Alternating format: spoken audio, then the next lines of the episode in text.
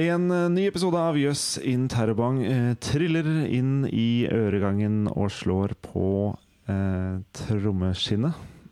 På trommehinna der inne. Og det er fordi jeg har eh, hentet inn to raringer i vårt lille studio. Her sitter Inga Strumke eh, og Petter Bøckmann, og jeg heter Andreas Wahl. Og vi deler rare eh, historier, eller fun facts, eh, fra virkeligheten. Vi har ikke bare funnet det på eh, sånn Det er ikke finne-på-stoff, det her. Eh, selv om vi likevel må vri hodene våre litt for å finne på noe.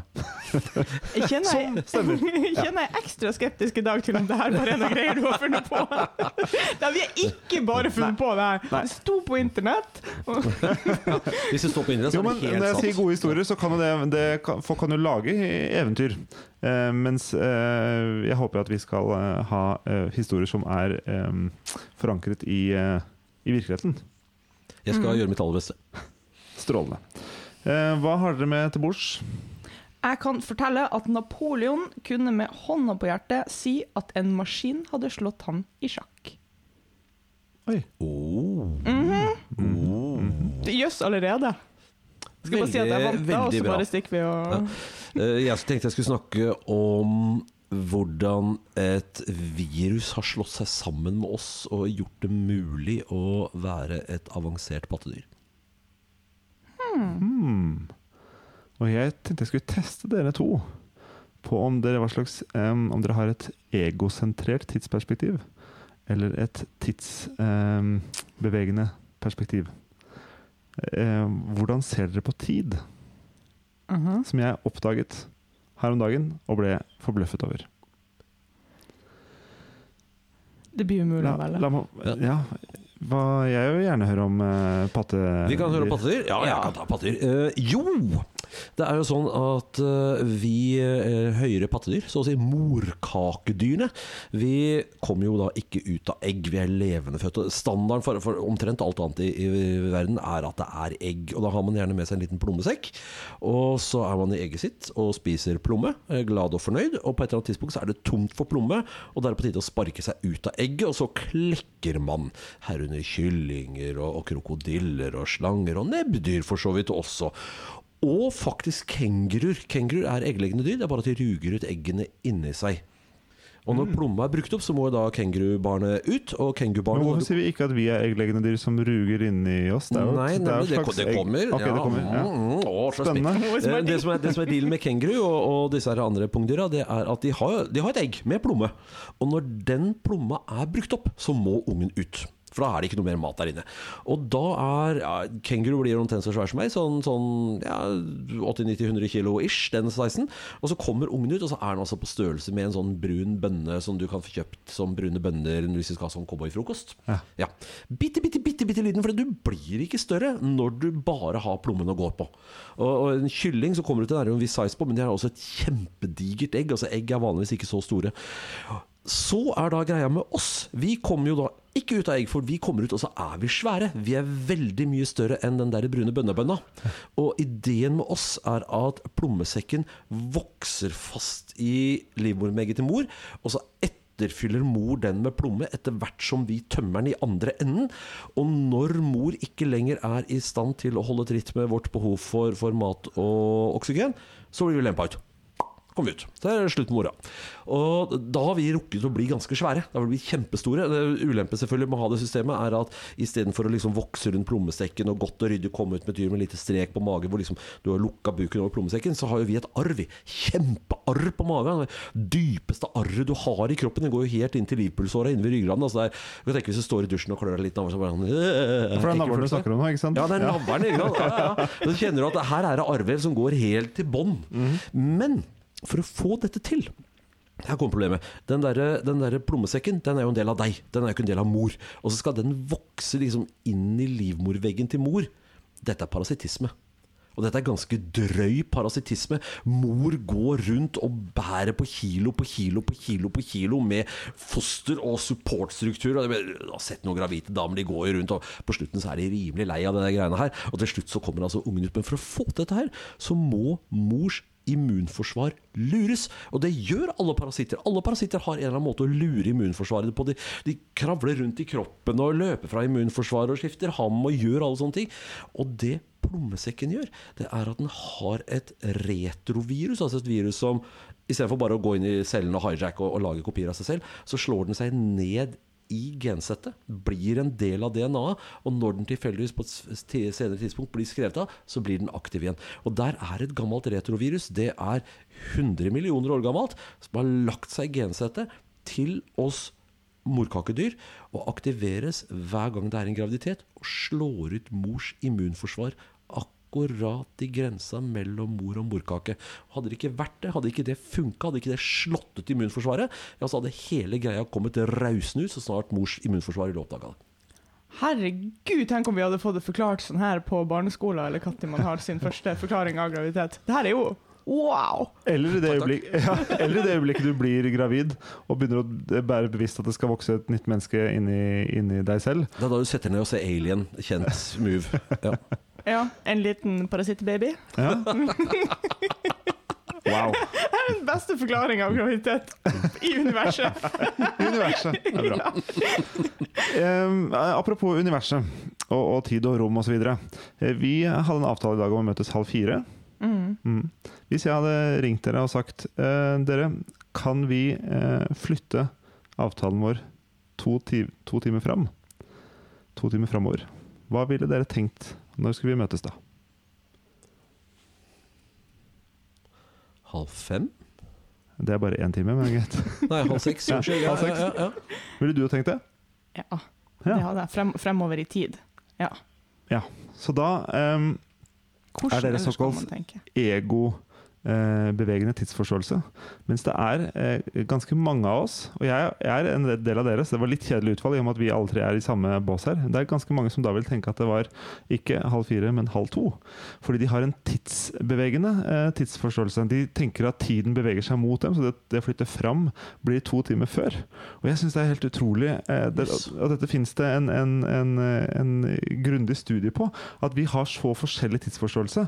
Og dette spørsmålet går liksom inn til kjernen i det. da For det kan jo faktisk bety at vi møtes på ulike tidspunkter hvis vi, hvis vi Mm. stiller spørsmål på den måten. Altså eh, å, å um, flytte frem, flytte møtet frem eh, med to timer. Det er det ganske mange av oss som opplever som at det er tidligere. Så spørsmålet er egentlig beveg jeg meg, eller beveg tida seg? Riktig. Ego og bevegende tidsforståelse er at jeg beveger meg gjennom tiden. Det er det vi tre her gjør. Ja. Vi har, det er en person til i det rommet, her, selv om dere bare hører oss. Det er Vincent. Hva, er du samme gruppe som oss? Ja, ikke sant? Er, det, er, er, er det den vanlige typen? Er det, vet vi noe om, om uh, hyppigheten Jeg er litt usikker, men det er ikke, det er ikke sånn at den ene er veldig marginal. Jeg vet ikke om, men, så det er, det er overraskende mange som ville tenkt at da møtes vi klokka eh, halv to istedenfor. Fordi de ser på tiden som at det er tiden som beveger seg, og jeg som står stille. Så Derfor så er det tidsbevegende tidsforståelse og, og ego-bevegende, jeg-bevegende. Jøss. Er ikke det ganske rart? Det verste er at når du sier det, så har jeg møtt på folk som har det sånn. Ja. Ja, eh, Som har det sånn. Hva- Som må slite med det. ja, som, ja fryktelig sak. Hva med, hva med året? Hvordan ser dere det for dere hvis du skal tegne opp året? Oh, det her har jeg omtrent fått uvaner over. Altså, året mitt er et jul, Ja. og sommeren er på toppen. Sommeren er på toppen. Ja. Så da er du Jeg, jeg, jeg, jeg opererer også med jul, men jeg har sommeren i bånn. Ja. Så ditt starter på toppen med januar, Ja. og så går det rundt. Hvilken vei går det? Eh, Klokke følger klokka. Følger klokka. Ja. Rundt, og når, det kommer, når klokka har gått rundt og kommer tilbake til tolv, da er året omme. Ja. Nemlig. Du da? Jeg er, jeg er både litt på ditt eh, lag her, Inga, fordi jeg ser for meg at eh, sommeren er på toppen. Jeg tror jeg har med sånn skolehjul å gjøre, at, jeg tenker, at det er en eller annen grunn. Men jeg kan også se for meg året som en, en eh, strek, eller en linje, som har start og slutt. Men altså, jeg skjønner jo at når jeg ser større på det, så blir det til en sirkel. Men ofte når jeg ser for meg året, så er det en, en tidslinje fra januar til, til desember. Det er også rart at folk ser for seg så, så eh, måter. Jeg, jeg merker at når noen skal ha meg til å gjøre noe i 2022, da går jeg også over på at hele tida er bare en linje.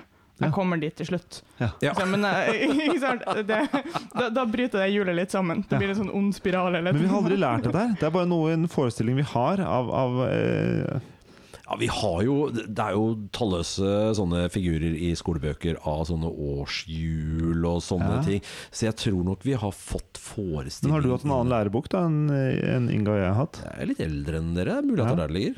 Men jeg har liksom Kanskje. lært om det sykliske året og bla, bla, bla. bla, bla, bla. Men jeg, hva, hva gjelder hva som er på toppen eh, Jeg er født i, på Lucia-dagen.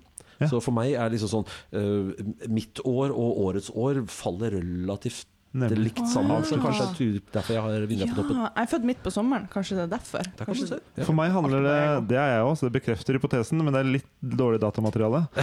Litt dårlig. Litt lite, men ikke dårlig. Det er Nei, ok, tynt. Men for meg handler det også om, om lys, fordi på toppen så er det mer lys, og i bånn så er det mer mørkt. Og det er liksom den lysetida og den mørketida, og derfor så er sommeren på toppen hos meg. Ja, snart sommeren er midt på dagen, sånn sett. Klokka tolv. Mm. Mhm.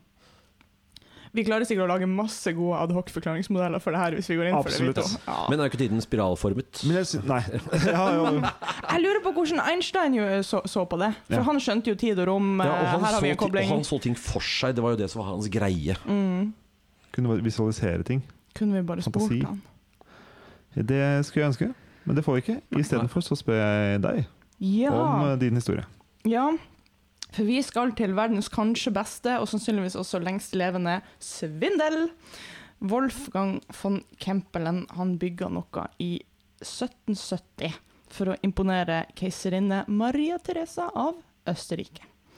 Det han bygde, het Den mekaniske tyrkeren. Og nå blir jeg litt sånn, er det lov å si liksom tyrkeren? Men ting er at i, i, i litteraturen så bare heter det tyrkeren. Så det var Det må jo være lov, det er jo en nasjonalitet. Ja, ja, det er jo en nasjonalitet, ikke Ja. sant? Men det, det, det, hører, altså det, ting er at det er en maskin, og hvis du googler den og ser et bilde av den, så er det en sånn ganske dårlig dukke, bare. Så det, Med sånn bart. hvorfor er denne raringen liksom en tyrker? Ja. Hvis du skjønner? Ja, så jeg blir litt ille berørt når jeg hører min egen stemme kalle den det. Men den heter bare The Turk i litteraturen. Og det det var da, det var rett og slett en ganske stor boks med noen tannhjul og noen dører man kunne åpne og lukke og greier, og oppå så var det et sjakkbrett. Og på den ene sida av sjakkbrettet så satt altså denne dukka som så ut som en tyrker. Og påstanden var denne maskinen med de intrikate hjulene sine osv., den kan spille sjakk. Og for oss mennesker som har veldig lyst på kunstig intelligens, og sånn, så har jo sjakk liksom, Det var veldig lenge sånn på en, på en sånn slags pidestall. Sånn hvis, eh, når, når vi lager en maskin som kan spille sjakk, da har vi laga vi kunstig intelligens. ikke? Da har vi Jeg har noe å si om den saken. Eh, Det, er- det er jo sånn fordi sjakk er et enkeltspill. Nei, nei, Sjakk, nei. sjakk, sjakk er ikke vanskelig. Sjakk har noen få enkle regler å forholde seg til. Uh, prøv å sette deg ned og få en datamaskin til å sjekke opp noen på en pub. Ja. Det er mye vanskeligere. Det er Ting- ting- helt andre er og mye vanskeligere datamengde å forholde seg til.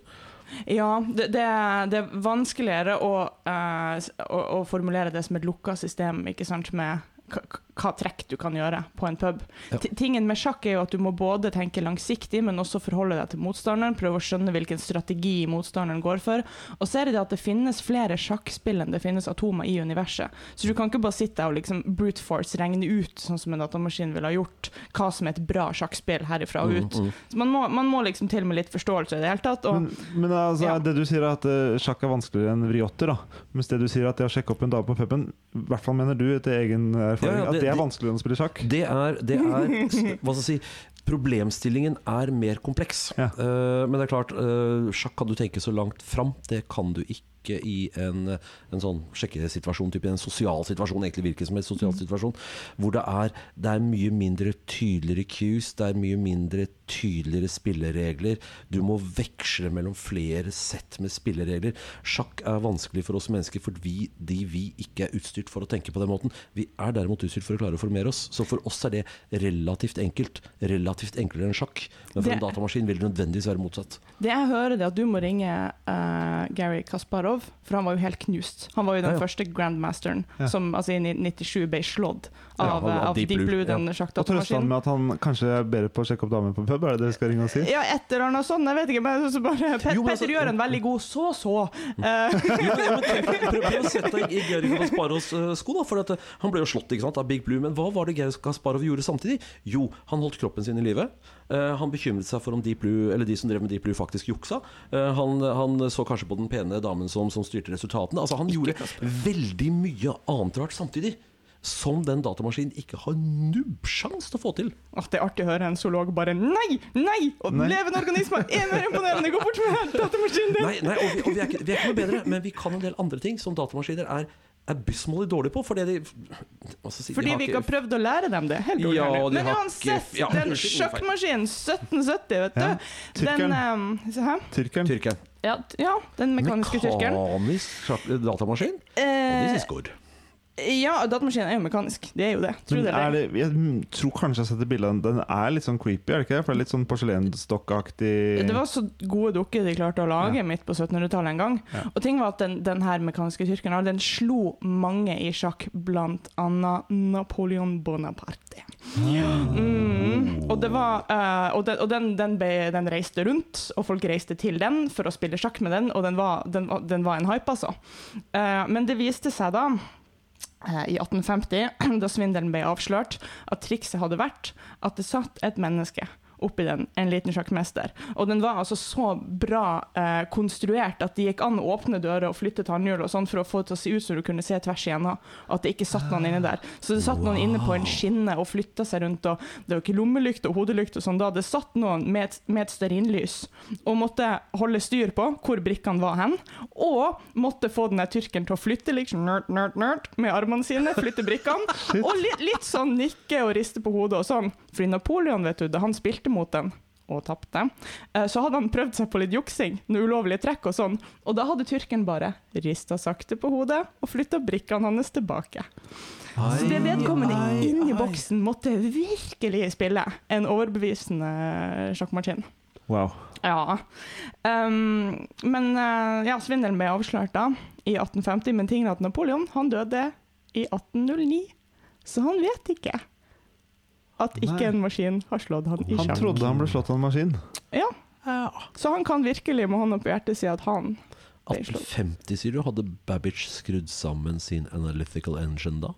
Vet ikke, jeg kan ikke historie, det her har jeg googla. For det var, for det, for det, var, jo, det var jo starten på, det, på, på de faktiske datamaskinene i mekanisk tappende, altså mekaniske svære Dette var jo lenge Ja. før. Det høres ut som at, at det var, det var ikke eh, I dag kan vi si at de kanskje ikke hadde mulighet til å lage en datamaskin som faktisk kunne spille sjakk, men de Ja. kunne, det var mer en slags- slags tryllekunst. For det var jo veldig Ja. poppis å reise rundt med sånne eh, freakshows og, og teater og sirkus og sånne, og vise Mm. fram rare ting, bl.a. maskiner som var kjempespennende. Og hvis du kan åpne litt luker og kikke inn, og det er noe speil som gjør at det ser ut som du, du kan kikke tvers igjennom og sånn. Det høres, høres ut som liksom trylle eh, halve, en, en fot i trylleverden, en fot i teknologi og vitenskap, og en kanskje i det okkulte, eller? Det høres litt sånn Ja, ikke sant? Det, det er artig at du sier det, fordi at han, um, en, av, eh, eller han egentlig hovedingeniøren bak eh, Deep Blue, som vi var inne på, så var denne her datamaskinen som faktisk slo Kasparov i sjakk, Mm. han sa at det, her er ikke, det, er, er ikke det at maskinene har slått menneskene, det er det at maskinene sin evne til å lage verktøy har overgått maskin, nei, eh, menneskene sin evne til å lage verktøy har overgått menneskene sin evne til å spille sjakk. Ja. Yeah. Den syns jeg er en artig filosofisk betraktning også. Enig. Mm. Enig. Da er vi alle enige. Hva likte dere best, da? Nei, altså, Jeg prisga jo i stad at jeg syns Pettersen var bare Jeg, jeg, fantastisk. jeg slenger meg på uh, fødselsgreia. Ja, jeg, jeg skal hjem og sjekke ut tyrkeren din. Den hørtes så innmari kul. Jeg må se oss den selv. Ja, det er Ja. creepy. jeg mener jeg setter sett bilde av den. Det er verdt å google, også for deg som uh, lytter eh, til Jøss. Eh, velkommen tilbake uh, til uh, Jøss en annen gang. Hei så lenge. Ha det bra. Ha det.